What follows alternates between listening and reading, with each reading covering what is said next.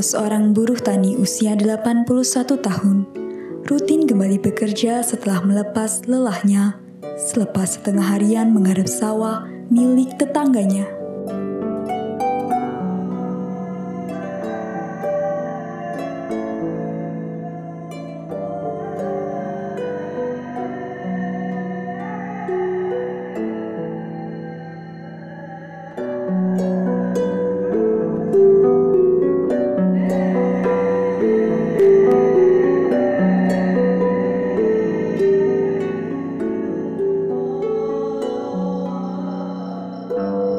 Usai kumandang maghrib, dia mulai berjalan gontai menerbus petang, memikul dua tenggok dagangannya berisi gedok dan gorengan buah tangan istrinya, Mbah Marti. Dengan penerangan seadanya berupa lampu ubrek, dia nampak tertatih meniti pematang yang membelah sawah di pinggir desa menuju ujung jalan yang dia percaya bahwa mendatangkan rejeki. Mbah Marto memutuskan untuk mangkal di sebuah teras rumah salah satu warga di ujung bulak yang sepi. Akrab dengan bising nyamuk, kodok ngorek, dan bau menyengat wereng dan walang sangit. Selalu di situ setiap malam. Setia duduk menunggu pembeli, menekuk lutut, menahan dingin dan pekatnya malam.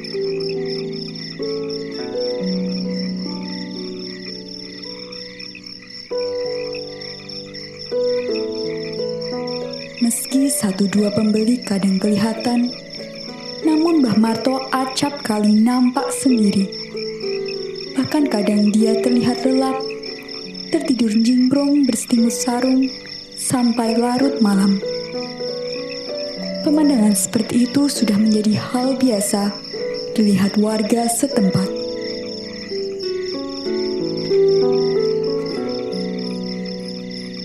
Di balik itu semua, tidak banyak yang menyadari bahwa satu dua orang pembeli yang hanya sesekali terlihat itu bagi Mbah Marto adalah malaikat-malaikat yang membangunkannya dari mimpi di lelap tidurnya.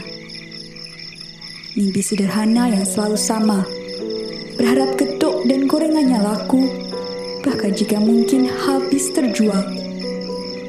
Sayang sekali, itu tidak pernah terjadi. Namun siapa yang menyangka satu dua orang pembeli itu selalu memberi uang lebih bukan berlipat. Kadang bukan berupa uang, namun beras, gula, hingga pakaian. Itu yang membuatnya sering luruh berurai air mata. Itu yang senantiasa menguatkan Mbah Marto untuk tetap terjaga dan setia bersyukur.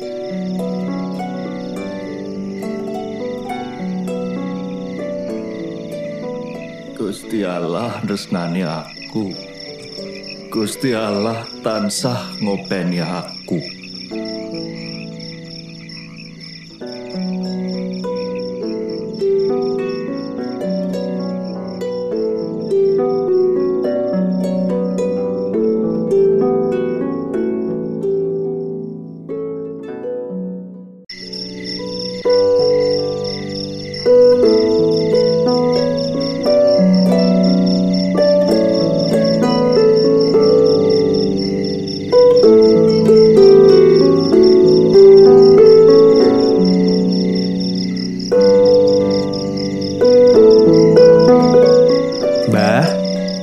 Dereng sari? Sapa Agus dan beberapa pemuda kampung yang kebetulan lewat depan rumah.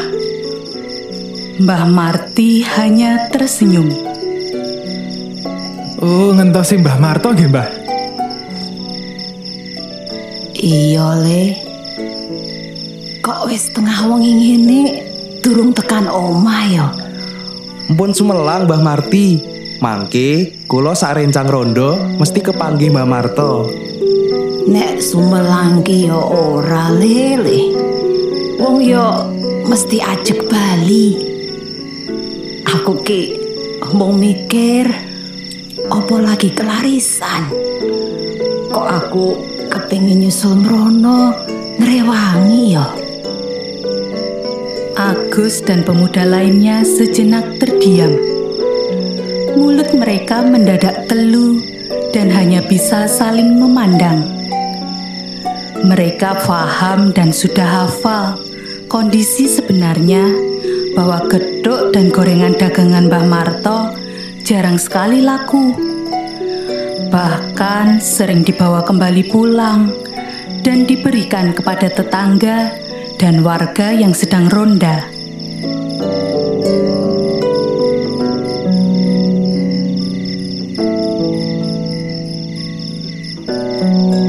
Yang membuat Agus dan teman-temannya makin terdiam sebenarnya adalah sikap keseharian yang ditunjukkan pasangan Katolik sepuh yang tidak memiliki keturunan itu. Tidak sekalipun mereka nampak terlihat susah, meskipun hidup sederhana dan pas-pasan. Bahkan mereka selalu nampak sumarah, sumeleh, setia dalam pengharapan baik, dan menyempatkan diri untuk berbagi.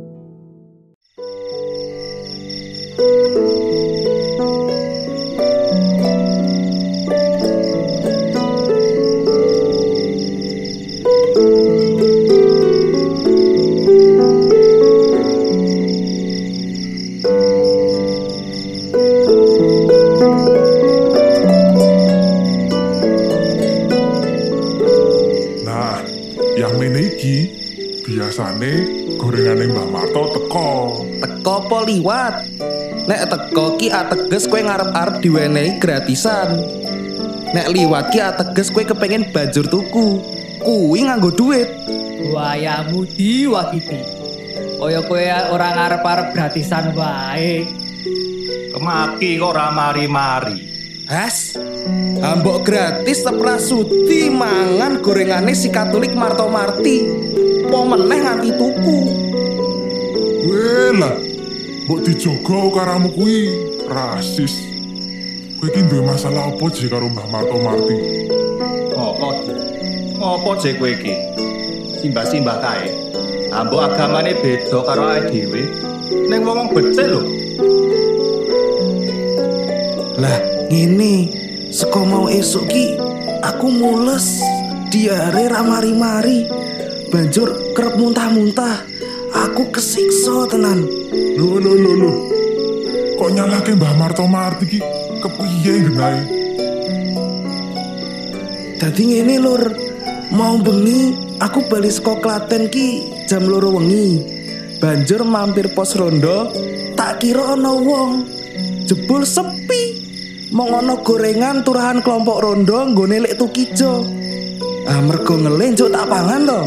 Ning esuk mau kok wetengku rasane ra karuan. Oh lah, tak. Turu ra kira-kira. Apa kowe ngerti gorengan kuwi saka Mbah Marto? Cerak kene sing adol gorengan ki lak ya akeh. Apa kowe ora mbok matke gorengan kuwi? Wis reget kena bleduk. Apa wis kambus kucing apa tikus? Sik sik meneng dhisik.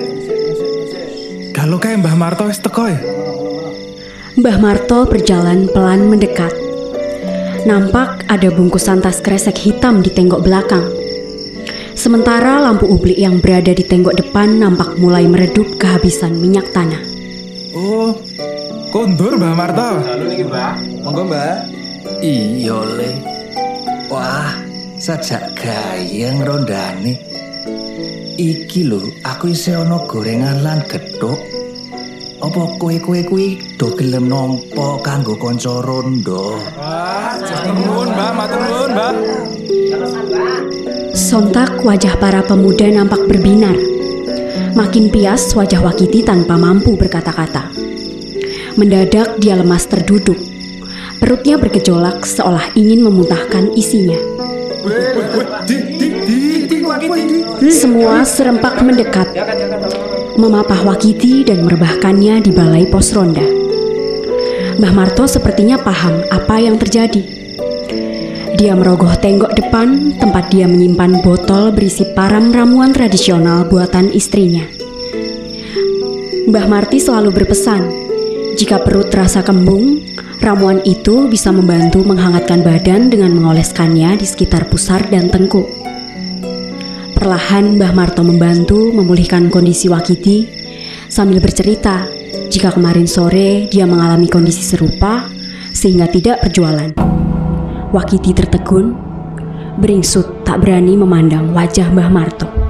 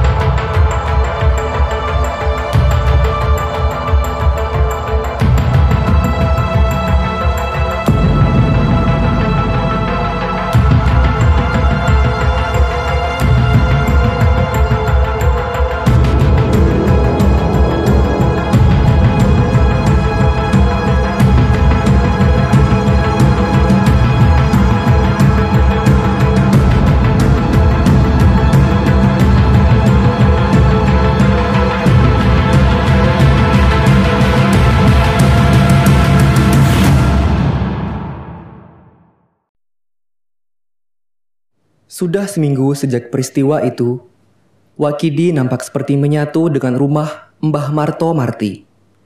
Meskipun jika mau jujur, tidak ada yang istimewa di rumah pasangan sepuh itu. Kondisinya justru bisa dikatakan memprihatinkan. Perlu perbaikan di banyak sudut rumah. Tembok nampak kusam dan retak. Genteng bocor, pintu dan daun jendela sempal. Meja, kursi, dan dipan yang terlihat reot. Wakidi yang kebetulan adalah tukang kayu sekaligus tukang batu pilihan merelakan diri untuk memperbaiki dan menolak untuk dibayar sepeser pun. Nuwun sewu Mbah Marti, menawi kepareng kula badhe nyuwun pirsa. Suatu sore, selepas kerja, Wakidi memulai pembicaraan. Tepat di saat itu, Mbah Marti datang membawa segelas teh nas gitel dengan sepiring pisang goreng, campur mendoan kesukaannya. Hmm, nyamleng. Diunjuk sik le. Cemilane aja lali. Karpen ilang kesele.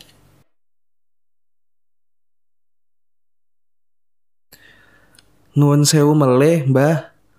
Wonten griya mriki kok boten wonten salib, patung Yesus menapa patung Maria nggih, Mbah? Ono apa kok kowe duweni pitakon mengkono kuwi le? Mboten menapa kok, Mbah. Kok mboten kados tiang Katolik umumipun. Ngapunten lho, Mbah. Estu ngapunten. mboten usah dipun wangsuli menawi mboten kersa. Ngapunten, Mbah. Ora apa-apa, Le. Suara Mbah Marto terdengar dari balik tirai kamar.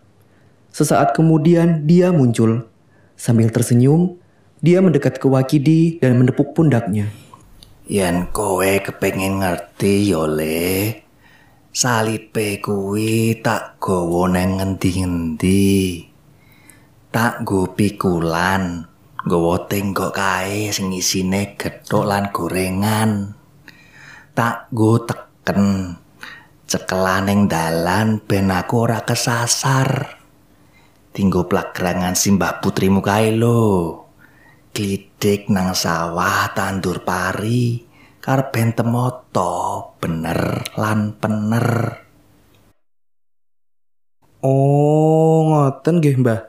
Lah, menawi patung Yesus kalian Maria pripun, Mbah? Pripun, Mbah?